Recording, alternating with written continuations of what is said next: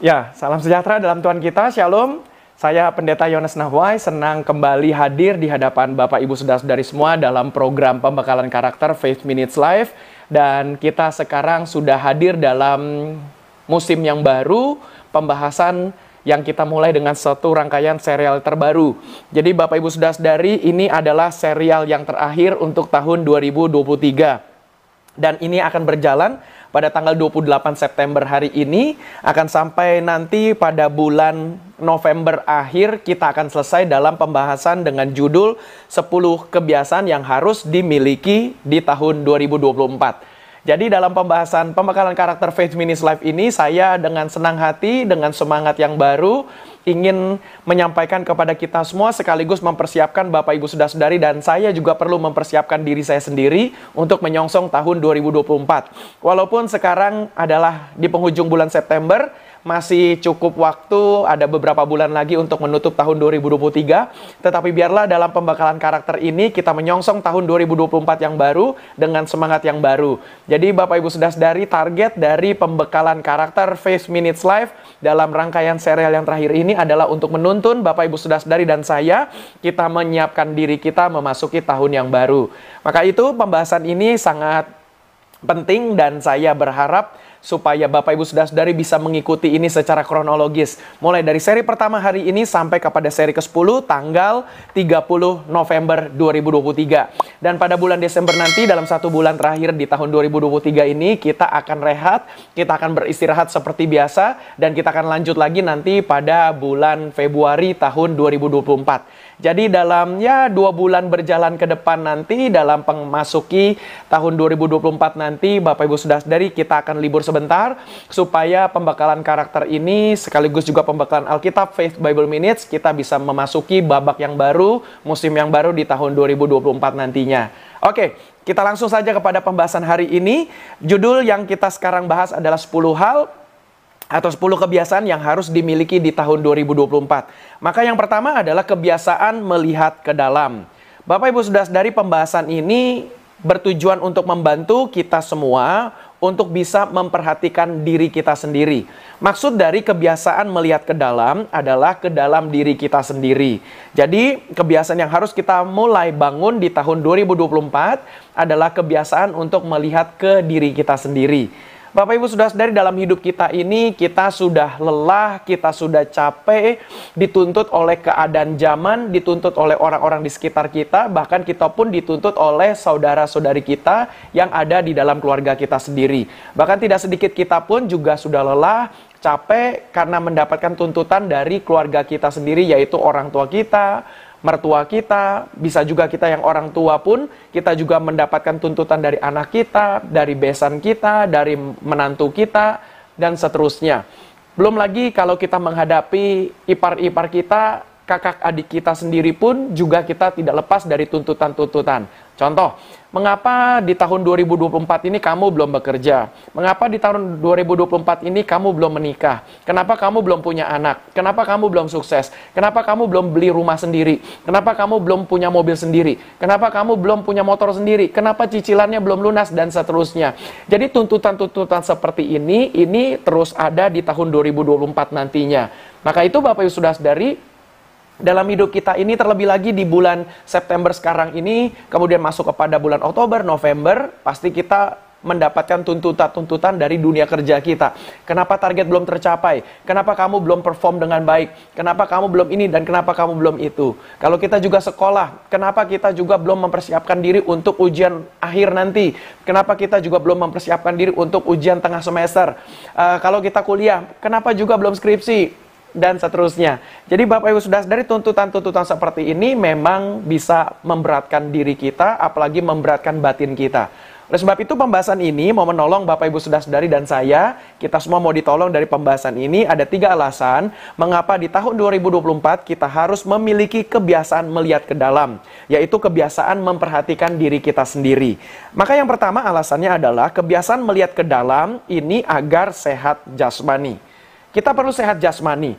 Jadi dengan kata lain Bapak Ibu sudah dari dalam kesibukan kita dalam bekerja, studi, berkeluarga, beraktivitas, kita memang harus mulai memperhatikan kesehatan jasmaniah kita. Jadi Bapak Ibu sudah dari dalam keadaan kita sibuk, kita mesti disiplin makan. Jangan sampai dalam keadaan kita sibuk, beraktivitas, kita sampai lupa makan. Maka itu kita perlu melihat ke dalam. Kita perlu memperhatikan diri kita sendiri. Dimulai dengan disiplin makan. Ini juga berbicara tentang disiplin untuk kita menghadirkan tubuh yang ideal. Artinya, tubuh yang sehat, tubuh yang bugar. Ini adalah PR kita. Maka itu Bapak Ibu Saudara Saudari perlu disiplin untuk makan. Kalau waktunya makan, kita perlu makan. Ini kebiasaan yang bagus. Ya, kita sebelum memasuki tahun 2024, menjalani sisa bulan-bulan terakhir di tahun 2023 ini, Bapak Ibu sudah sadari dan saya mesti disiplin dalam makan. Makanya kita perlu melihat ke dalam, kita perlu melihat ke diri kita sendiri, dimulai dengan disiplin makan. Kalau memang waktunya makan, maka kita harus makan. Dan jangan lupa juga kita mesti minum agar kita tidak dehidrasi, kekurangan cairan, sehingga kita jadi lemas, masuk angin, pusing, dan sebagainya. Maka itu jangan terlalu sibuk, kita juga mesti melihat ke dalam, pikirkan diri kita sendiri, dimulai dengan disiplin makan. Lalu ketika melihat juga dalam menjaga kesehatan jasmani, kita juga mesti disiplin berolahraga. Puji Tuhan saya sudah mulai rutin berolahraga kembali, walaupun belum sekeras seperti dulu-dulu, saya masih jalan pagi saja. Ketika sudah selesai mengantar anak-anak ke sekolah, saya meluangkan waktu untuk jalan di kompleks rumah saya. Dari gang satu gang lewat kepada gang yang lain, ini adalah saya mendisiplinkan diri saya untuk berolahraga. Kenapa? Karena olahraga akan membuat tubuh saya ini menjadi bugar, olahraga juga akan membuat saya untuk tidak lekas sakit, untuk saya menjadi fit secara jasmania. Dan ini adalah bagian dari saya juga melihat ke dalam jadi ketika saya melihat ke dalam, yaitu saya mengurus diri saya, saya juga mengurus jasmania saya, tubuh saya, maka saya juga harus menjaga makan dan saya harus juga menjaga olahraga. Dan ini adalah bagian dari kita menutup tahun 2023 ini dan memasuki tahun 2024 supaya kita bisa sehat, kita juga bisa bugar, kita bisa fit. Dalam menjaga makanan pun Bapak Ibu sudah sadari harus juga untuk mengatur makanan yang baik, makanan yang sehat. Jangan kita minum yang terlalu manis, kita terlalu banyak gula, asupan gula kita ada kecukupan dalam satu kadar satu hari, maka itu Bapak Ibu sudah sadari harus menjaganya. Kemudian juga tentang makanan gorengan, makanan yang berminyak, makanan yang berlemak, ini juga harus kita jaga maka itu kita harus, disiplin makan, disiplin olahraga, dan yang ketiga pun dalam aspek melihat ke dalam, dalam hal jasmania kita, Bapak Ibu sudah saudari dan saya harus disiplin beristirahat. Nah, jadi kita mesti menjaga diri kita agar tetap sehat, istirahat dengan cukup supaya kita tidak sakit.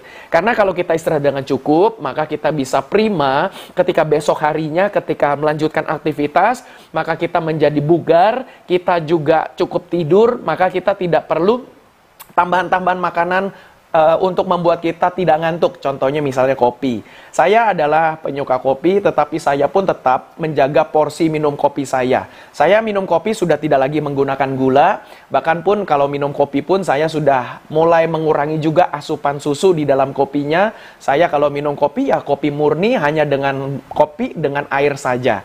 Jadi dengan kata lain Bapak Ibu sudah saudari pun saya sebagai penyuka dan penikmat kopi, tapi saya pun juga membatasi eh, minum-minum uh, kopi saya ini dengan harapan juga kalau memang perlu saya minum, kalau tidak perlu pun saya juga tidak perlu minum. Jadi dengan kata lain Bapak Ibu sudah dari kita memang mesti melihat ke dalam, dimulai dengan menjaga jasmania kita, dimulai juga dengan disiplin makan, disiplin juga untuk berolahraga dan disiplin untuk kita beristirahat.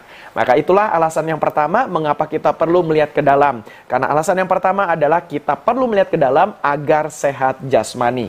Yang kedua, kita perlu melihat ke dalam juga agar bukan hanya sehat jasmani saja, tetapi juga sehat jiwani. Maka Bapak Ibu sudah sadari kita juga mesti disiplin menjaga kebugaran jiwa kita. Apa itu menjaga kebugaran jiwa kita? Yaitu kita juga mesti meluangkan waktu untuk melakukan hal-hal yang membuat jiwa kita senang. Misalnya, boleh Bapak Ibu sudah dari praktekkan hobi. Dan tidak salah sebagai orang Kristen, sebagai anak Tuhan untuk mempunyai hobi. Misalnya Bapak Ibu hobi membaca, luangkan waktulah untuk membaca. Kurangi kita juga banyak bermedia sosial karena memang terbukti sering kali kita bermedia sosial justru malah kita makin stres. Kita melihat postingan orang lain sedang jalan-jalan, kita berkata, kok aku nggak pernah jalan-jalan ya? Melihat orang lain posting ganti handphone, beli motor baru, beli mobil baru, dan sebagainya, kita menjadi terpancing untuk bertanya ke diri, kok aku belum bisa ya, kok aku kenapa begini ya, dia bisa begitu. Akhirnya media sosial itu justru menghadirkan stres, bukan menghadirkan sukacita bagi kita. Belum lagi kita lari kepada main game, misalnya kita main game itu, bagi saya main game itu tidak baik. Kenapa? Karena main game itu kita ditipu oleh game itu sendiri. Karena di dalam main game itu kita dimudahkan untuk mencapai keberhasilan. Karena di dalam keber, mencapai keberhasilan dalam dunia game itu beda sekali dalam dunia nyata. Misalnya kita bermain sepak bola di dalam game, bermain bola basket atau bermain pertandingan olahraga dan apa pun lah permainan game itu, kalau kita juga main game RPG dan sejenisnya, itu juga kita relatif lebih mudah untuk mengalahkan musuh, memenangkan pertandingan, sehingga ini membuat kita kecanduan. Kenapa? Karena kita lupa dengan realita kehidupan kita. Karena memang untuk mendapati kesuksesan, keberhasilan di dalam kehidupan realita kita ini itu tidak semudah seperti main game. Maka itu tidak sedikit orang-orang, laki-laki maupun perempuan lari ke dalam game supaya kita keluar dari realita kehidupan. Supaya kita merasa bahwa ah, main game menang, menang, menang, menang dengan mudah. Padahal kita dilupakan, kita lupa dengan aktivitas kita sehari-hari bahwa tidak mudah untuk mencapai keberhasilan. Maka itu Bapak Ibu Saudara-saudari, saya tidak anti main game. Saya juga ada sesekali main game, tapi main game yang sederhana. Hanya main game tentang cari-cari kata, uh, menyusun-nyusun kata-kata. Itu saja permainan game yang saya senangi untuk mengasah otak saya. Kalau ada orang-orang senang main sudoku, itu juga untuk mengasah otaknya. Main TTS, teka-teki silang. Nah, saya suka seperti itu. Jadi, itu saja dan itu pun sangat jarang sekali. Rasa-rasanya dalam satu minggu mungkin saya satu kali main game saja dan itu dalam durasi hanya sekitar 10-15 menit saja. Selebihnya saya tidak pernah main game sampai selama itu. Jadi dengan kata lain, Bapak Ibu sudah sadari, kita juga mesti jaga kesehatan jiwa kita. Nah, caranya adalah memang perlu kita meluangkan waktu menjalankan hobi. Nah, pilihlah hobi yang baik, pilihlah hobi yang konstruktif, membuat kita semakin baik. Jangan hobi itu destruktif, membuat kita semakin habis uang, membuat kita semakin uh, tidak berinteraksi dengan orang lain, membuat kita semakin mengurung diri sendiri. Dan ini menurut saya adalah tidak baik. Tuhan menciptakan kita sebagai makhluk sosial, maka kita perlu berinteraksi dengan orang-orang lain. Mari keluarlah dari dari rumah kita, keluarlah dari kamar kita untuk kita berjumpa dengan orang lain. Cari teman-teman pergaulan yang baik, cari teman-teman yang bisa membantu kita untuk meningkatkan diri kita, maka kita bisa mendapatkan kebugaran jiwa kita. Maka itu kita memang perlu juga melihat ke dalam supaya kita menjaga agar jiwa kita sehat. Haleluya. Yang ketiga yang terakhir, Kebiasaan melihat ke dalam pun juga adalah selain menjaga kesehatan jiwa kita, selain juga menjaga kesehatan jasmania kita, ternyata yang ketiga adalah menjaga kesehatan rohani kita.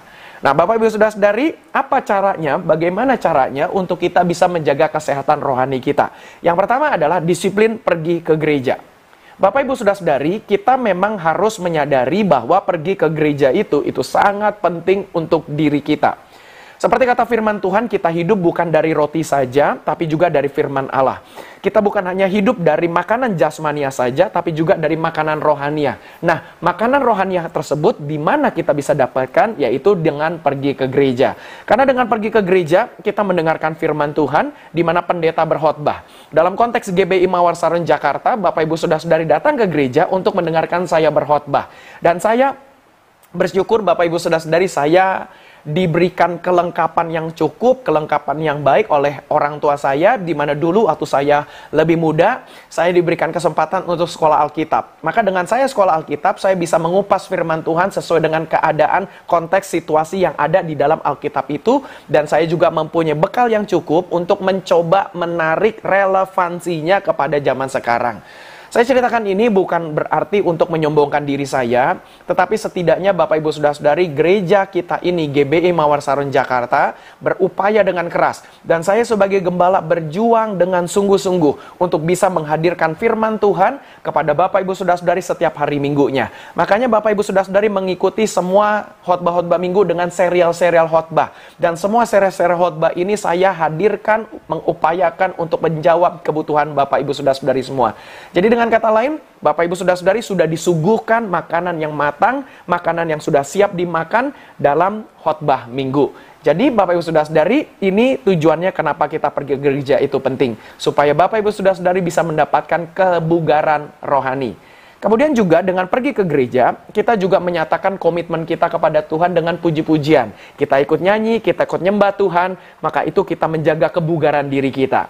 Seorang pendeta terkenal itu berkata bahwa kalau kita ke gereja, kita nyanyi memuji Tuhan, itu adalah kita sedang berbicara kepada Tuhan. Sementara kalau sedang kita mendengarkan khotbah, itu Tuhan berbicara kepada kita. Nah, maka itu dalam ibadah di gereja kita, porsinya kita bagi dengan pas. 45 menit Bapak Ibu Saudara-saudari memuji Tuhan, menyanyi. Artinya selama 45 menit Bapak Ibu berkata-kata kepada Tuhan. Dan kemudian ketika masuk dalam khotbah, durasinya saya rasa cukup satu jam untuk Bapak Ibu Saudara-saudari mendengarkan apa Tuhan mau sampaikan kepada diri kita. Maka ada interaksi, ada hubungan timbal balik, ada percakapan, ada kita ngomong dan kita mendengarkan. Ada Tuhan mendengarkan dan Tuhan ngomong. Jadi dengan kata lain, makanya penting pergi ke gereja. Nah, alasan yang ketiga, kenapa kita perlu melihat ke dalam? Karena Bapak Ibu sudah saudari perlu menjaga kesehatan dari rohaniah kita. Maka itu kita perlu pergi ke gereja. Dan yang berikutnya yang kedua, Bapak Ibu sudah saudari dalam rangka menjaga kebugaran kerohanian kita, Bapak Ibu sudah saudari perlu rajin disiplin membaca Alkitab. Karena dengan membaca Alkitab, kita tahu janji-janji Tuhan.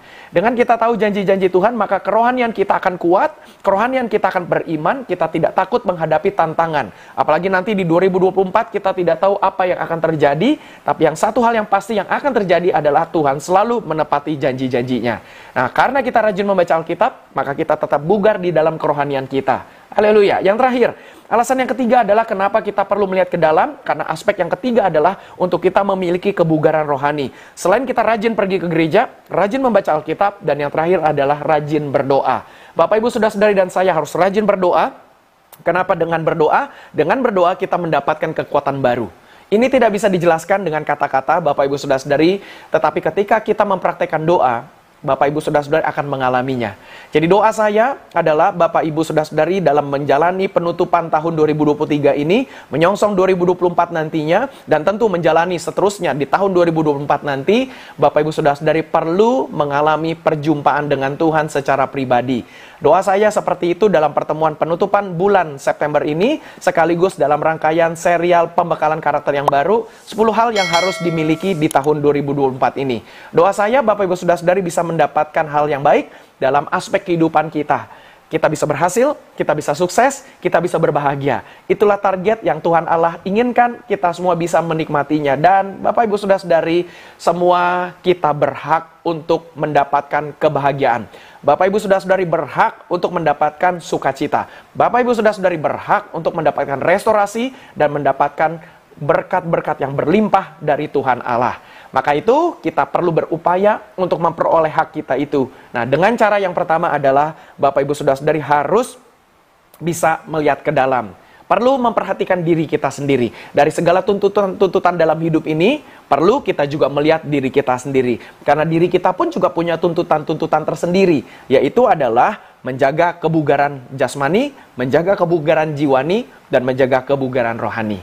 Baik puji Tuhan, itu saja yang saya mau bagikan dalam pertemuan Faith Minutes Live episode terbaru yang kita bahas dalam ya dua bulan berjalan ke depannya. Saya percaya Bapak Ibu sudah sudah diberkati dan diperlengkapi.